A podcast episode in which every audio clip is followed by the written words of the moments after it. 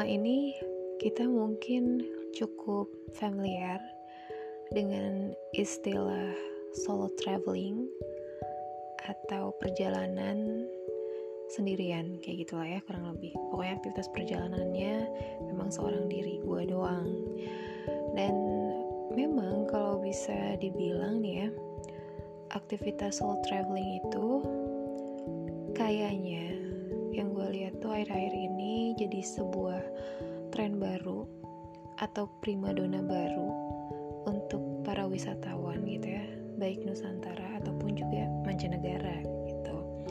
Dan hal ini yang memang sebetulnya udah gue lakuin beberapa tahun dan untuk lo yang udah lama banget dengerin podcast gue pasti udah tahu banget. Gue sejak kapan suka sama yang namanya solo traveling gitu. Dan gue sempat ya berapa kali untuk ngumpulin lo semua untuk ayo coba ayo coba gitu kan. Nah sebenarnya banyak alasan gitu kenapa kegiatan yang satu itu banyak banget orang yang suka akhirnya. Dan perempuan juga termasuk. Contohnya gue kayak gitu kan. Dan banyak juga di luar sana yang memang melakukan hal serupa.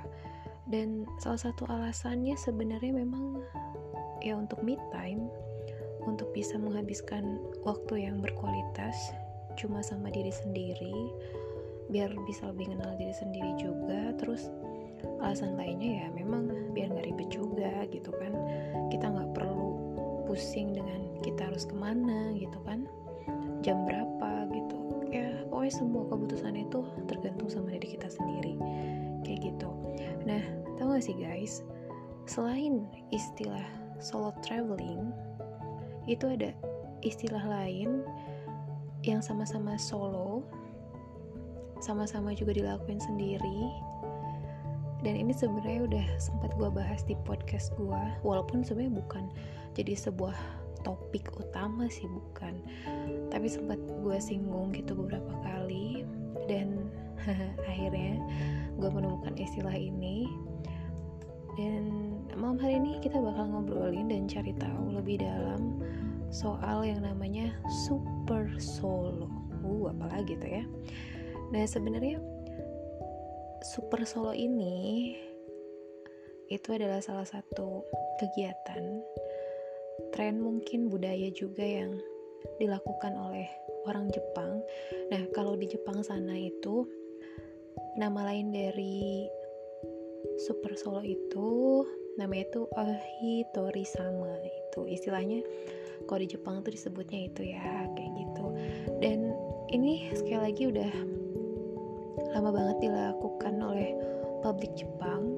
Nah bahkan gitu ya ya ini bisa dibilang adalah sebuah seni untuk melakukan segala macam kegiatan itu ya sendirian kayak gitu. Dan kalau mengutip dari CNN juga nih ada seorang analis Jepang dia itu sempat mengatakan bahwa sebetulnya nih ya secara demografi Jepang itu ya memungkinkan banget untuk seseorang itu melakukan apa pun sendirian.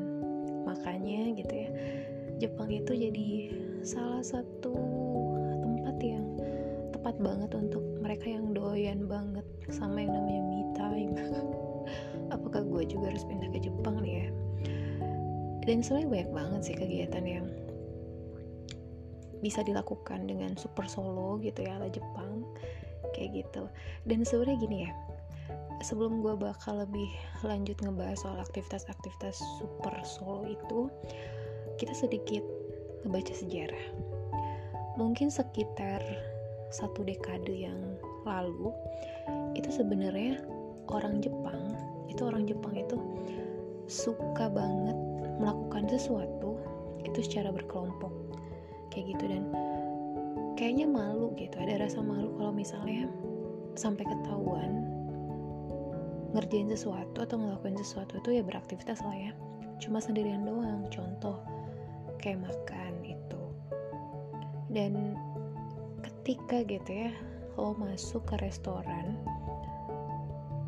ataupun juga kantin sekolah bahkan di kantor itu lo pasti bakalan jarang banget nemuin orang yang makan sendirian.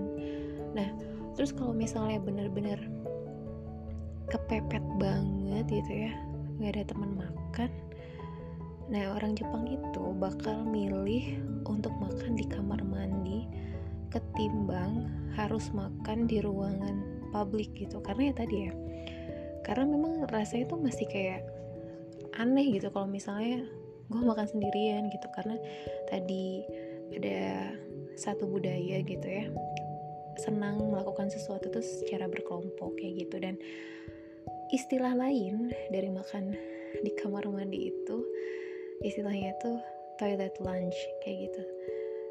Ada yang pernah nggak nyoba kayak gini? Gue sendiri nggak pernah ya dan nggak kepikir untuk gue makan di kamar mandi. Oh my god no. Gue ya kayak gitu nah tapi semakin ke sini itu kita flashback ke belakang gitu ya. Tapi justru makin ke sini itu kan masyarakat Jepang itu eh, dikenal gitu ya salah satunya karena memang punya sifat individualisme yang lumayan. Nah akhirnya ke mana-mana tuh lebih milih sendirian. Terus juga perubahan kebiasaan itu itu sebenarnya didukung juga sama beberapa tempat publik yang benar-benar nyediain ruangan buat mereka yang memang datang gak ditemani sama pasangan gitu ataupun juga keluarga ataupun juga teman kayak gitu. Kayak resto nih ya contohnya. Itu punya loh kayak bilik-bilik khusus buat pengunjung yang memang datangnya itu sendirian ataupun bahkan nih tempat karaoke yang nyediain space kecil gitu ya buat mereka yang memang pengen menghabiskan waktu buat nyanyi-nyanyi tapi sendirian kayak gitu ya. Dan ingat budaya itu dikenal dengan istilah super solo atau istilah Jepangnya itu ohitori sama gitu. Nah apa aja sih gitu ya kegiatannya atau aktivitasnya? Nah kayak gue sekarang bakal langsung kasih tahu nih. Nah tapi percaya gak sih lo guys? Budaya ohitori sama ini sebenarnya muncul karena orang tuh udah cukup apa ya bisa dibilang mungkin udah muak banget gitu ya sama tekanan sosial yang mengharuskan mereka tuh untuk pergi berkelompok kayak gitu. Itu jadi kayak makan harus bareng-bareng belanja harus bareng-bareng ini itu harus bareng-bareng kayak gitu. Jadi udah mulai yang oh my god gitu. Udah muak banget gitu sama hal tersebut. Nah terus itu juga gini kemajuan media sosial.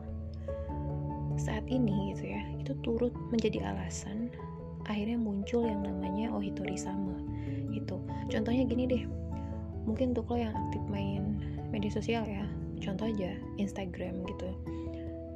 Ataupun juga Facebook Twitter yang memang bisa kita tuh bisa nge-like atau nge-love postingan seseorang kayak gitu. Tapi mungkin yang paling ngetren tuh ya si Instagram ya karena kayaknya orang-orang fokusnya sekarang pada main tuh di Instagram kayak gitu.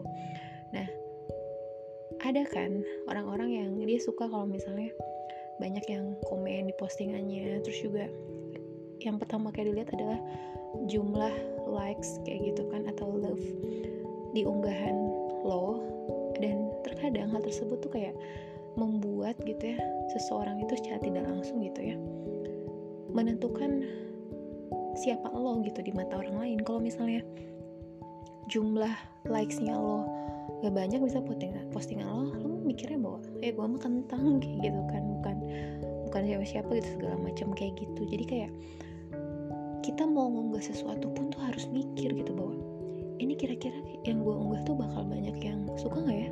Bakal banyak komentar baik nggak ya? Kayak gitu. Jadi segala sesuatu yang mau kita lakuin tuh kayak kita tuh mikir gitu bahwa orang lain tuh akan menyukai ini gak sih kalau kita melakukan ini gitu. Kayak semua tindak tanduk kita kayak gitu apa yang mau kita lakuin apa pun itu semuanya tuh kayak bergantung sama pendapat orang gitu. Seperti itu kurang lebih. Dan sebenarnya rasanya tuh nggak enak guys. Asli loh. Nah terus dengan adanya gerakan super solo ini atau ohitori sama akhirnya gitu ya warga Jepang itu jadi lebih percaya diri dan berani kayak gitu kan untuk menunjukkan kemandiriannya bisa ngelakuin apa pun yang dipengen tanpa peduli omongan orang lain kayak gitu. Jadi lo mau ngapain aja terserah lo kayak gitu kan. Nggak peduli orang lain mau suka atau enggak gue mau pakai baju warna apa gue mau pakai jepit rambut ataupun mau pakai topi kayak itu mau pakai jilbab warna apa kayak gitu kan. Mau pakai kaos oblong atau mau makan di mana pun kayak gitu. Mau posting apa pun kayak gitu gue nggak peduli gitu nggak peduli omongan orang orang mau suka silahkan enggak juga ya nggak apa-apa gitu. Kayak gitu itu ya masalah mereka gitu mau suka ataupun juga enggak. Nah terus juga gini di Jepang itu kan ada yang namanya kegiatan minum-minum kayak gitu ya dan juga aktivitas malam lainnya kehidupan malam lainnya gitu. Nah kalau dulu kayak kegiatan minum-minum sama aktivitas di malam hari itu banyak dilakukan bareng kerabat kayak gitu ya kurang lebih. Nah sekarang ketika lo mutusin untuk gue mau minum di bar sendirian itu sebenarnya gak masalah dan gak ada yang peduli juga dan gak bakal ada yang komentarin lo orang aneh kayak gitu. Gak bakal dipandang sebelah mata juga. Nah terus akhirnya gitu karena memang semakin banyak orang yang melakukan super solo nah ini kayak pelaku bisnis di sana tuh akhirnya mereka putar otak gitu dong ya. Gimana caranya kayak gitu kan bisnisnya mereka itu bisa dinikmatin sama orang yang memang menganut ohitori sama gitu. Bisa enjoy bisa enjoy gitu ya. Ketika mereka berkunjung ke tempatnya kayak gitu dan di Jepang itu banyak banget loh fasilitas publik yang memang punya tempat khusus buat mereka. Contoh kayak tempat karaoke. Ada gak sih di Jepang tuh tempat karaoke yang cuma bilik yang muat cuma buat lo doang. Contoh kayak ini kayak foto box kayak gitu lo tau kan? Nah udah. Dan itu tuh karaoke nya di Jepang itu tempatnya tuh asik gila tau gak sih? Parah. Gue sempet lihat soalnya kayak gitu. Cuma di Indonesia gue belum nemu dan kayaknya belum ada juga kan itu. Nah um, dan pastinya sebenarnya gini ya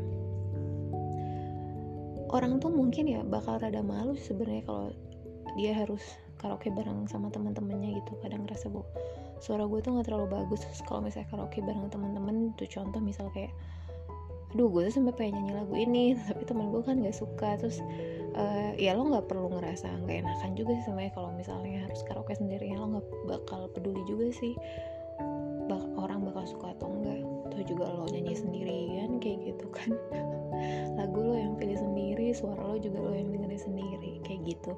Nah terus juga kayak tempat makan contohnya kayak apa ya warung ramen kayak gitu. Sampai agen perjalanan wisata lo guys. Itu menyediakan pelayanan khusus buat mereka yang memang nganut ohitori sama kayak gitu. Jadi mereka itu bisa pesan kursi yang dipartisi di bioskop dan bisa juga melompati antrian untuk wahana populer gitu di taman hiburan. Kurang lebih sih kayak gitu ya. Itu jadi uh, tempat makan ramainya juga kalau yang gue lihat itu dia disekat gitu loh ada biliknya. Jadi kiri kanan ada sekatnya loh kayak gitu. Jadi lo makan sendirian juga enjoy enjoy aja. Dan banyak tuh gak sih yang ngelakuin itu. Nah terus juga biasanya nih penganut yang satu ini Ohitori sama itu ya anak-anak muda yang memang belum kepikiran buat nikah atau memang gak pengen nikah gitu. Terus juga biasanya orang tua yang memang jadi lajang gitu ya setelah berstatus janda ataupun juga duda kayak gitu. Dan kalau misalnya berdasarkan pengamatan itu ya fenomena kayak gini tuh bakal berkembang di masa depan dan bakal nyebar juga sih ke berbagai negara kayak gitu. Nah jadi memang kalau berbicara bisnis ke depan ya bisnis yang populer di masa mendatang itu diperkirakan ya bakal ada bisnis yang ngedukung konsep si Ohitori sama ini kayak gitu kurang lebih ya itu.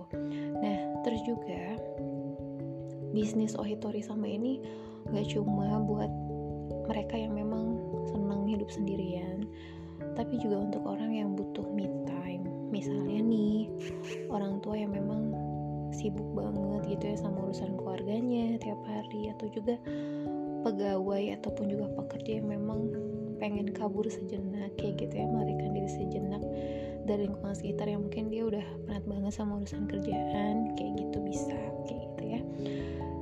Dan ya yang tadinya tren hidup berkelompok jadi sedikit bergeser jadi yang namanya super solo kayak gitu ya. Itulah karena tekanan sosial yang dialamin akhirnya masyarakat Jepang ya memilih untuk melakukan segala sesuatunya sendirian kayak gitu. Dan mereka tuh sebenarnya kayak gini loh kayak terkungkung gak sih? Tapi bukan Jepang doang sih ini bukan Jepang doang menurut gue ngerasa terkungkung gak sih loh dengan stigma di masyarakat yang kayak seolah-olah nih gitu ya mengharuskan segala hal itu dilakukan bersama-sama? Siapa sih yang bikin standar kayak gitu? Bahwa aktivitas lo tuh harus lakuin bareng-bareng. Kalau misalnya lo nggak bareng-bareng sama orang lain atau minimalnya lo berdua deh kayak gitu. Itu aneh. Itu nggak umum kayak gitu kan. Siapa yang bikin standar kayak gitu? Nah terus juga ya akhirnya gitu ya.